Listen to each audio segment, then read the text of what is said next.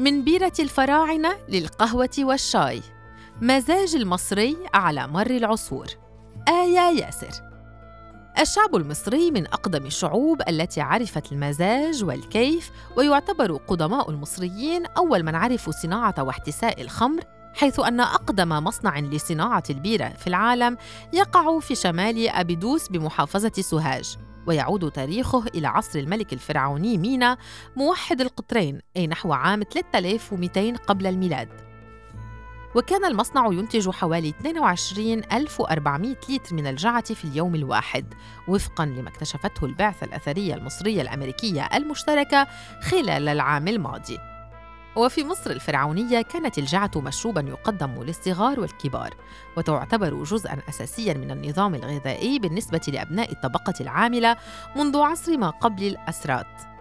كما عرفوا خمسة أنواع من البيرة كانت تقدم يوميا وبجرعات كبيرة للعمال الذين بنوا الأهرامات الثلاثة. وقد اكتشفت في منطقة الأهرامات أجزاء من الجرار المستخدمة في حفظها. في حين كان النبيذ هو المفضل لدى الطبقة العليا. عرف المصريون القدامى أربعة أنواع منه مثل نبيذ النخيل ونبيذ البلح لكن أجودها المصنوع من العنب وهو المحبب لدى الفرعون والكهنة وكبار رجال الدولة. في كتاب مزاج الباشا قصة الخمور في مصر عبر العصور للباحث والشاعر المصري محمود خير الله الصادر مؤخرا عن دار صفصافة للنشر في القاهرة يقدم المؤلف رحلة بحثية للكشف عن لحظات انتشار ثقافة الخمور في مصر خلال عصور تاريخ المختلفة بدءا من مصر القديمة أي قبل ألفي عام قبل الميلاد وحتى القرن التاسع عشر. ويرى المؤلف أن الماضي كان يحتوي على كل أنواع الفجور مثلما كان يحتوي على الإيمان والورع والزهد.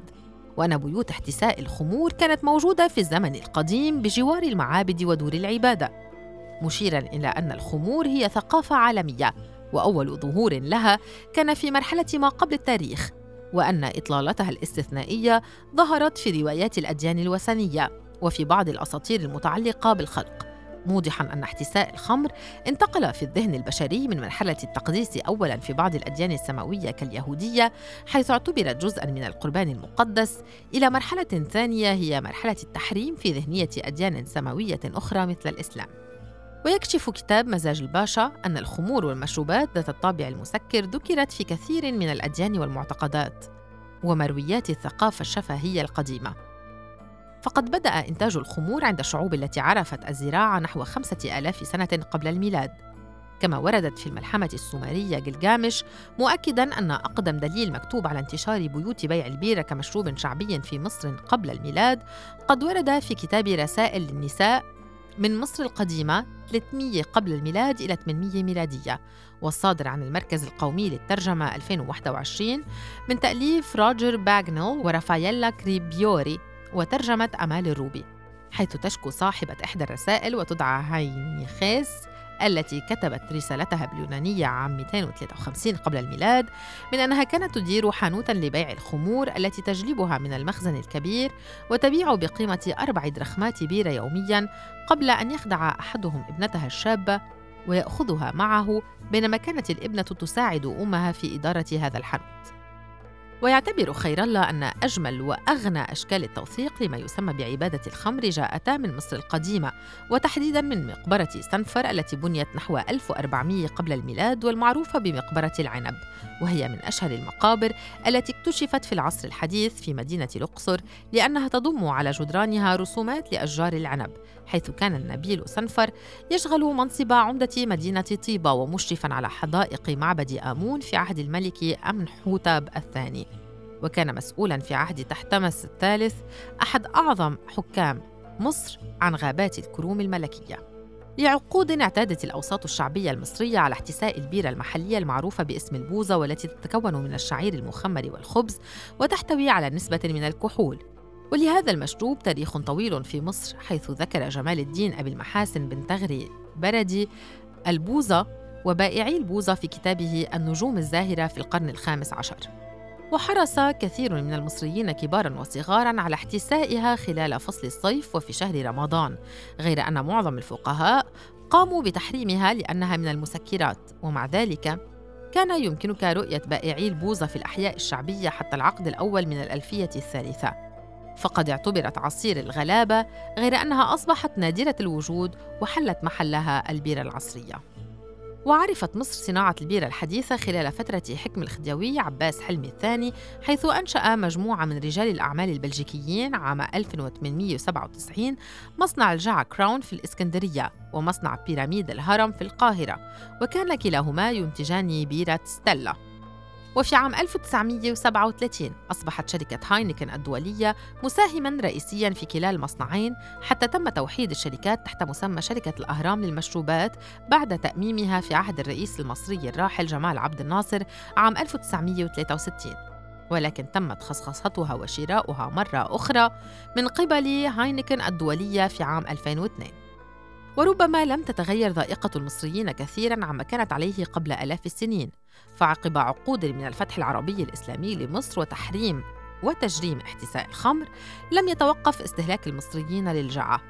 وإن كان قد انخفض فلا زالت الجعة هي الأكثر شعبية بين المشروبات الكحولية. فهي تمثل وفقا للإحصائيات 54% من إجمالي استهلاك الكحول بمصر. وتعتبر ستال مشروب البيرة الأكثر شعبية في مصر وهي تسيطر على ثلث إجمالي استهلاك البيرة في مصر حيث بيع منها 47.5 مليون لتر في عام 2016 ولا يقتصر عشق المصريين للجعة على الأوساط الأكثر تحرراً أو غير المتدينين حيث أن البيرة العصرية غير الكحولية مثل بيريل وفيروز بنكهة الفواكه وديسبادوس بنكهة التكيلا لها شعبية كبيرة في مصر. ويعتبر مشروب بيريل غير الكحولي بمثابة البيرة الشعبية في مصر وهي تسيطر على 89% من سوق الجعة في البلد.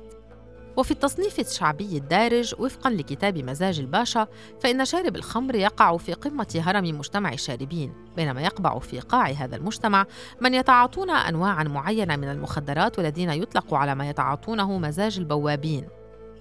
وبحسب تقرير صادر عن مؤسسة فيتش سوليوشنز بشأن قطاع المشروبات في مصر.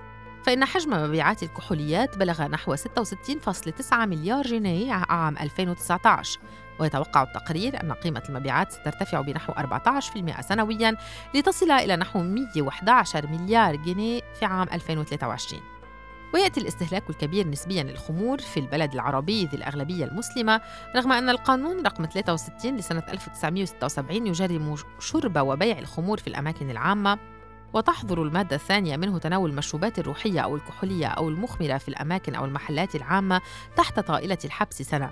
ويستثني القانون الفنادق والمنشآت السياحية والأندية ذات الطابع السياحي المحددة طبقا لأحكام القانون رقم 1 لسنة 1973 ورغم التاريخ الطويل للخمور والمسكرات في مصر إلا أن القهوة كانت من المشروبات المحرمة حتى القرن الثامن عشر.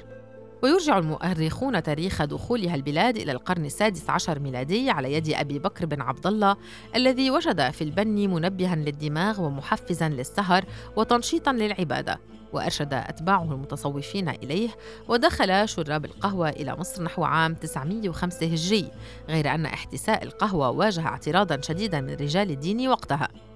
وفي عام 1572 أطلق أحد فقهاء المذهب الشافعي وهو الفقيه أحمد بن عبد الحق السنباطي حملة مناهضة للقهوة بعد تداول شائعات عن كونها مشروب يفسد الشباب. وكانت قد انتشرت آنذاك بين دارسي الأزهر لتساعدهم على الدراسة والاستيقاظ والذكر. وعندما ألقى السنباطي خطبة لتحريم القهوة في منتصف القرن السادس عشر معتبرا أنها طالما تؤثر على العقل سلبا أو إيجابا فهي حرام اندلعت مظاهرات وأعمال شغب لتحطيم المقاهي. ثم صدرت فتوى رسمية بمنع شرب المسكرات والمحرمات ومن بينها القهوة التي جرم شربها وتداولها في التجارة وتم تدمير الحانات وتحطيم أواني البن في بيوت المسلمين. تشير المراجع التاريخية إلى نشوب معركة بين التجار ومؤيدي الإمام السنباطي. أصيب على إثرها تاجر بإصابات بالغة. وهرب الشيخ ومؤيدوه إلى أحد المساجد للاختباء ولكن التجار حاصروهم بعد وفاة زميلهم. وأقاموا صوانا ووزعوا مشروب القهوة بدون السكر لتدفئة الموجودين ما تحول إلى عادة مرتبطة بالجنازات وتقديم القهوة السادة أثناء العزاء في مصر إلى اليوم. حالة الفوضى التي سادت في البلاد بسبب القهوة دفعت السلطان العثماني إلى تغيير المفتي بآخر أقل تشدداً لم يحرم شربها، فتكاثرت في مصر الأماكن التي تقدمها وأطلق عليها اسم المقاهي، يذكر الرحالة المغربي أبو بكر العياشي أنه زار القاهرة في سنة 1037 هجرية ويصف في كتاب رحلاته الشهير ماء الموائد مجالس شرب القهوة في البيوت والأماكن المخصصة لها. وتظهر المراجع التاريخية أنه في بداية القرن التاسع عشر كانت القهوة تقدم في بكرج موضوع على جمر في وعاء من الفضة أو النحاس يسمى عازقي وتستعمل مجمرة تسمى منقدا من النحاس المبيض بالقصدير. وكان يضاف إلى القهوة أحيانا الحبهان أما الأغنياء فكانوا يضيفون إليها العنبر. يعتبر مشروب الشاي الأسود بمثابة المزاج الحلال لدى المصريين وأحد مباهج الحياة.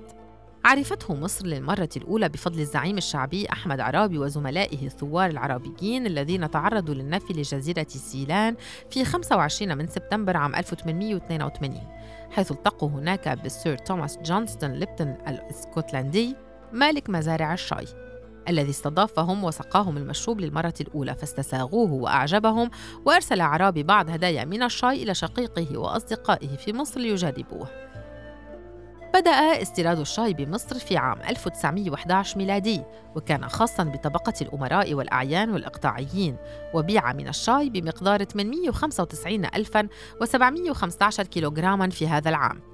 ولكنه لاقى رواجا كبيرا ولا سيما بين الفلاحين ليصبح المشروب الأول في البلاد بينما تراجعت القهوة بسبب ارتفاع سعر البن وتضاعفت تلك الكمية في أعقاب الحرب العالمية الأولى والثانية لنحو 591% وفقا لما أعلنه وكيل الزراعة جلال بيك فهيم وقتها ونشرته الصحف المصرية. المثير في الأمر أن مصر شهدت دعوات لمقاطعة مشروب الشاي كانت قد أطلقتها صحيفة المقطم وثيقة الصلة بسلطات الاحتلال البريطاني في شهر أكتوبر عام 1932 تحت عنوان خطر أسود يهدد الفلاحين أثر الشاي الأسود في صحة الفلاحين وقواهم حيث نادت بمنع الفلاحين والمواطنين البسطاء من شربه مطالبة بعدم استيراده بحجة تأثيره المهلك على الصحة. ولا سيما أنهم يشربون من الشاي أردأ أنواعه ويقومون بغليه إلى أن يصبح كثيفا أسود اللون ويستهلكونه عدة مرات يوميا وقد يستغنون عن الطعام لكنهم لا يستغنون عنه. ونشرت الصحيفة مذكرة تفصيلية عن مخاطر الشاي الأسود أعادتها مديرية الطب البيطري بوزارة الزراعة المصرية حذرت من أنه يطيل ضربات القلب ويرفع ضغط الدم وإذ أعطي بنسبة كبيرة يسبب اضطرابات في الأعصاب فيخفق القلب بشدة ثم يتوقف كما أنه يؤدي لتباطؤ حركة التنفس بعد إسراعها.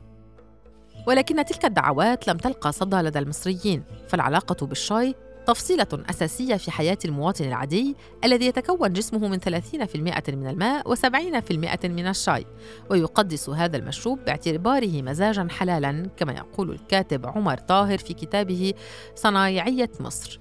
ويقول طاهر نصب المصريون الشاي وزيرا لداخلية المعدة لقدرته على الحبس بعد الطعام. أصبح لكل طائفة شايها. من الصنايعية كحالة من الراحة المقترنة بالتأمل الذهني في الشغلانة إلى شاي المذاكرة ومن شاي عزومة المراكبية إلى شاي العلاج من الصداع والبرد وتعكر الدم. وسجل المصريون باسمهم اختراع استخدام الملعقة المعدنية كأداة عزف تعلن أن الشاي على بعد خطوات. يقدس المصريون الشاي لدرجة أن الحكومة أقرته كمادة تموينية أساسية تستحق الدعم. لنصبح أول دولة في العالم تقنن وتدعم مزاج مواطنيها. ويحكي الكاتب قصة علبة شاي الشيخ الشريب التي لاقت رواجا كبيرا في فترة الثمانينيات لتصبح الأشهر بين أنواع الشاي. موضحا أن علوي الجزار ابن الحوامدية انطلق في تصنيع الشاي بمشاركة ثلاثة من أشقائه وكان النجاح مشروعه نموذجا يستحق الدراسة. كان يستورد الشاي الخام من سيلان. ويصدره مصنعا إلى معظم الدول العربية. وكان تقريبا الشاي الرسمي المعتمد عند المصريين بالرغم من وجود منافسين مثل شاي زوزو من إنتاج مصنع الحوامدية وشاي كروان إنتاج مصنع بورسعيد لكن الشريب تفوق بخلاف الجودة بسبب العقلية الدعائية للجزار. فقد ارتبط بوجدان المصريين بصورة شيخ ذي ملامح مطمئنة ارتاحوا له ولابتسامته. ولم يكن الشيخ سوى عم عرفة سائق عند علوي الجزار الذي كان يحبه ويتفاءل بطلته. فجعل صورته رمزا للشاي الذي اجتاح مصر بقوة حتى نهاية الثمانينيات.